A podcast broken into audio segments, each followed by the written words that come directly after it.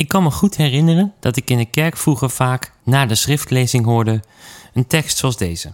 Zalig zijn zij die naar het woord van God luisteren en het ook doen. Of woorden van gelijke strekking. Het was een soort standaard uitspraak waarmee iedereen het ook wel eens was. Onlangs kwam ik het Bijbelgedeelte tegen waar Jezus dit ook zegt tegen de menigte die hij net een toespraak heeft gegeven. En ik ontdekte iets bijzonders.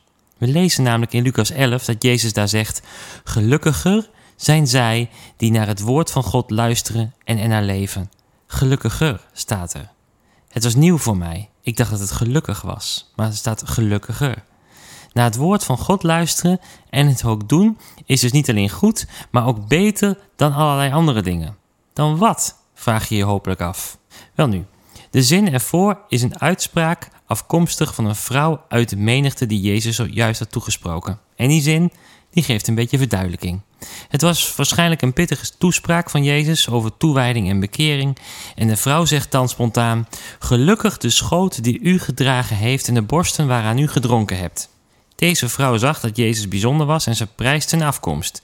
Daarmee zet ze Jezus, zijn afkomst en zijn talenten en inzichten op een voetstuk. Op zich niets mis mee misschien.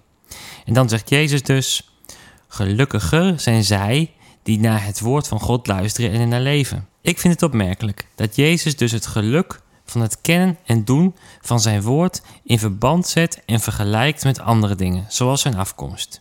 Nee, niets is zo belangrijk dan dat mensen het woord van God kennen en doen. Niets is belangrijker dan dat. Dat is zijn boodschap. Wij kunnen Jezus een geweldig inspirerende man vinden.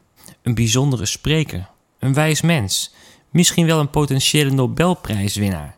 Maar we missen de essentie als we niet zien dat het er uiteindelijk om gaat dat we zijn woord serieus nemen en ermee aan de slag gaan. Een mooie reden om onszelf de vraag te stellen vandaag: is het woord van God ook voor ons nog dat wat ons echt gelukkig maakt? Geven we het woord van God de plaats die het verdient?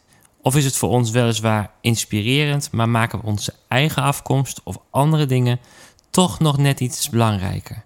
Gelukkiger zijn zij die naar het woord van God luisteren en ernaar leven.